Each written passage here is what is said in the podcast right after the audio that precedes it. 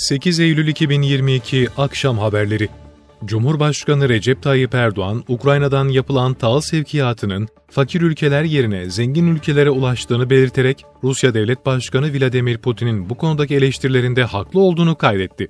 Bosna Hersek ve Sırbistan'daki temasların ardından başkent Zagreb'e geçen Cumhurbaşkanı Erdoğan'ı, Hırvatistan Cumhurbaşkanlığı ofisindeki tören alanında mevkidaşı Zoran Milanovic karşıladı. Rusya'dan tahıl sevkiyatının başlamasını beklediklerini vurgulayan Erdoğan, Özbekistan'ın Semerkant şehrinde Putin'le bu konuyu ele alacaklarını da ifade etti. Cumhurbaşkanı Erdoğan ayrıca Avrupa'daki enerji krizine ilişkin Avrupa bu kışı nasıl geçireceğinin telaşı içerisinde. Rakamlar çok yüksek. Temenni ediyorum ki hayırlısıyla atılacak adımlarla bu badire atlatılır diye konuştu. Türkiye'nin Rusya'ya ihracatı Ağustos ayında 738 milyon 527 bin dolarla tüm zamanların en yüksek aylık rakamına ulaştı. Türkiye devam eden jeopolitik risklere karşın güçlü ihracat performansını sürdürüyor. Savaşın başladığı ilk zamanlarda siparişlerde gecikme ve aksamalar yaşansa da Türk ihracatçılarının çözüm odaklı yaklaşımlarıyla Türkiye-Rusya arasındaki ticaret artmaya devam ediyor. Türkiye'nin Rusya ihracatı Ağustos ayında 738 milyon 527 bin dolara ulaştı. Böylece Türkiye, Rusya'ya Ağustos ayında aylık ihracat rekoru kırdı.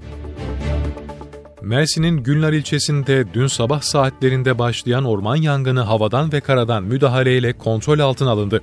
Günlar'ın Büyükeceli mahallesinde dün Karadere mevkiindeki ormanlık alanda başlayan yangın, rüzgarın da etkisiyle büyüyerek Silifke ilçesinin bazı mahallelerine kadar yayıldı. Mahallede farklı noktalara sıçrayan yangın nedeniyle bir akaryakıt istasyonu, dinlenme tesisi ve bazı evler tedbir amacıyla boşaltıldı. Sağlık Bakanı Fahrettin Koca, yangından 25 kişinin etkilendiğini, 8 kişinin tedavisinin devam ettiğini ve bu kişilerden birinin durumunun ağır olduğunu bildirdi.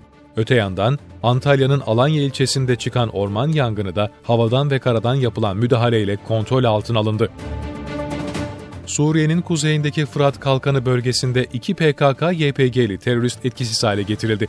Milli Savunma Bakanlığı'ndan yapılan açıklamada, Fırat Kalkanı bölgesinde huzur ve güvenlik ortamını bozmak için taciz ateşi açan iki PKK-YPG'li terörist, Türk Silahlı Kuvvetlerince etkisiz hale getirildiği belirtildi. Milli Savunma Bakanlığı Irak'ın kuzeyindeki Pençe Kilit Operasyonu bölgesinde 8 PKK'lı teröristin etkisiz hale getirildiğini duyurdu. Bakanlıktan yapılan açıklamada durmak yok, yorulmak yok, mücadeleye devam. Irak'ın kuzeyinde başarıyla devam eden Pençe Kilit Operasyonu bölgesinde 8 PKK'lı terörist etkisiz hale getirildi. Terör inlerini yerle bir etmeye azim ve kararlılıkla sürdüreceğiz ifadeleri yer aldı.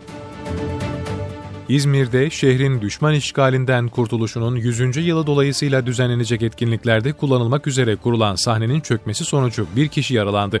İzmir Büyükşehir Belediyesi tarafından Cumhuriyet Meydanı yakınlarında kordon boyuna kurulan sahnenin üst kısmı işçilerin çalıştığı esnada henüz belirlenemeyen bir nedenle çöktü. Bu sırada kaçarak uzaklaşmaya çalışan işçilerden biri yaralandı. İhbar üzerine olay yerine polis, sağlık ve itfaiye ekipleri sevk edildi. Yaralanan işçi Alsancak Devlet Hastanesi'ne kaldırıldı. Amerika Birleşik Devletleri F-35 motorunda kullanılan mıknatıslardan birinin alaşımının Çin'den ithal edildiğini tespit etmesi üzerine uçağın Amerikan ordusu ve müşteri ülkeleri teslimatı geçici olarak askıya alındı. Yapılan açıklamada, uçakta kullanılan malzemelerin gerekli yasa ve düzenlemelere uygunluğunu sağlamak üzere uçağın, Amerika ordusuna ve uçağın alıcısı olan müşteri ülkelere teslimatının askıya alındığı kaydedildi. Açıklamada şu anda teslim edilmiş ve kullanılan uçakların bu süreçten etkilenmediği belirtildi.